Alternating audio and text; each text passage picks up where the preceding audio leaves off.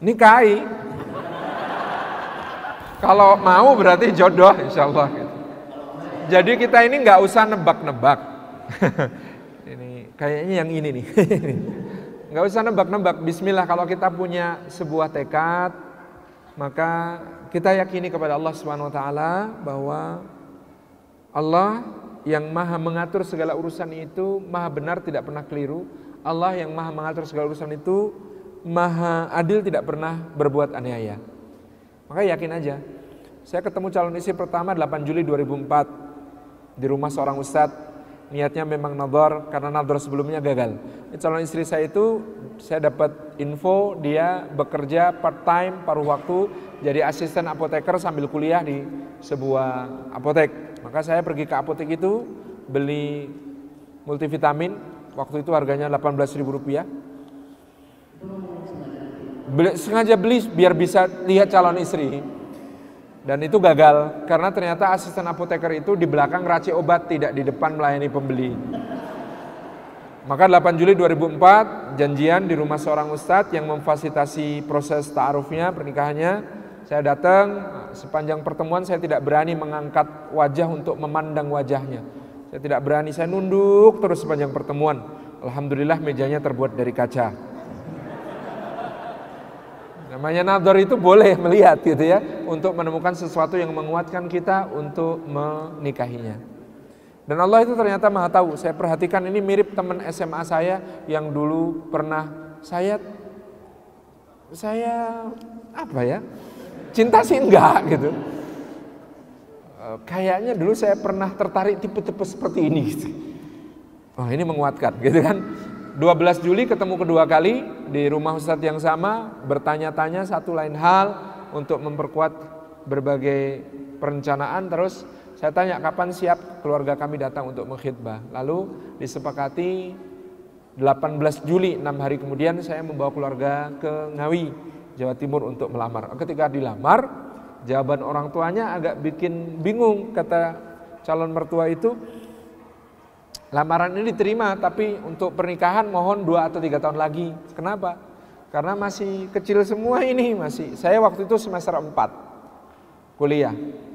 Umur sih sudah 20 tahun. Jadi waktu itu akhirnya saya nikahnya kan umur 20 tahun. Saya nyesel itu telat banget. Nikah umur 20 tahun itu telat banget. Anda sudah umur berapa yang belum nikah? Tenang, tenang, tenang ya. Belanda sudah jauh, sudah tidak dekat lagi. Jadi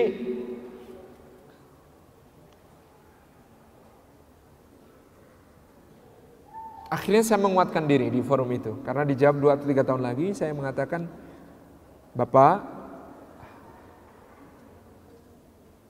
yang saya perlukan sekarang adalah segera menikah. Karena saya merasa hukum menikah untuk saya sudah mendekati wajib.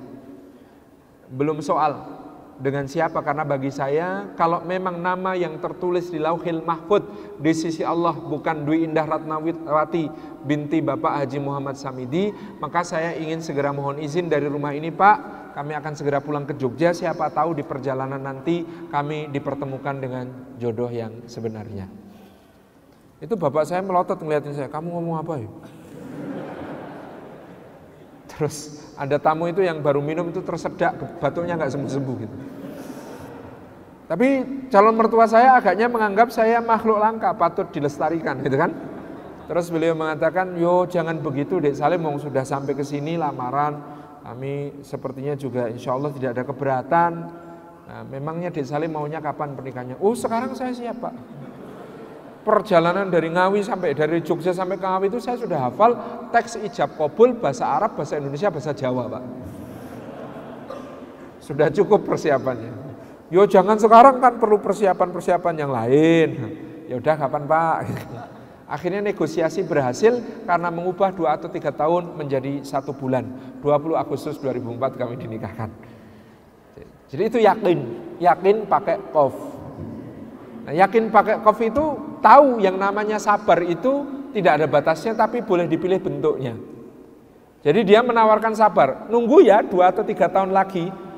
Nah itu salah satu bentuk sabar, nunggu dua atau tiga tahun lagi. Tapi ada bentuk sabar yang lain, apa itu? Ya udah kalau nggak mau sama saya tak cari yang lain. Kalau nggak mau sekarang, cari yang lain yang mau sekarang, gitu kan? Itu juga bentuk sabar yang lain.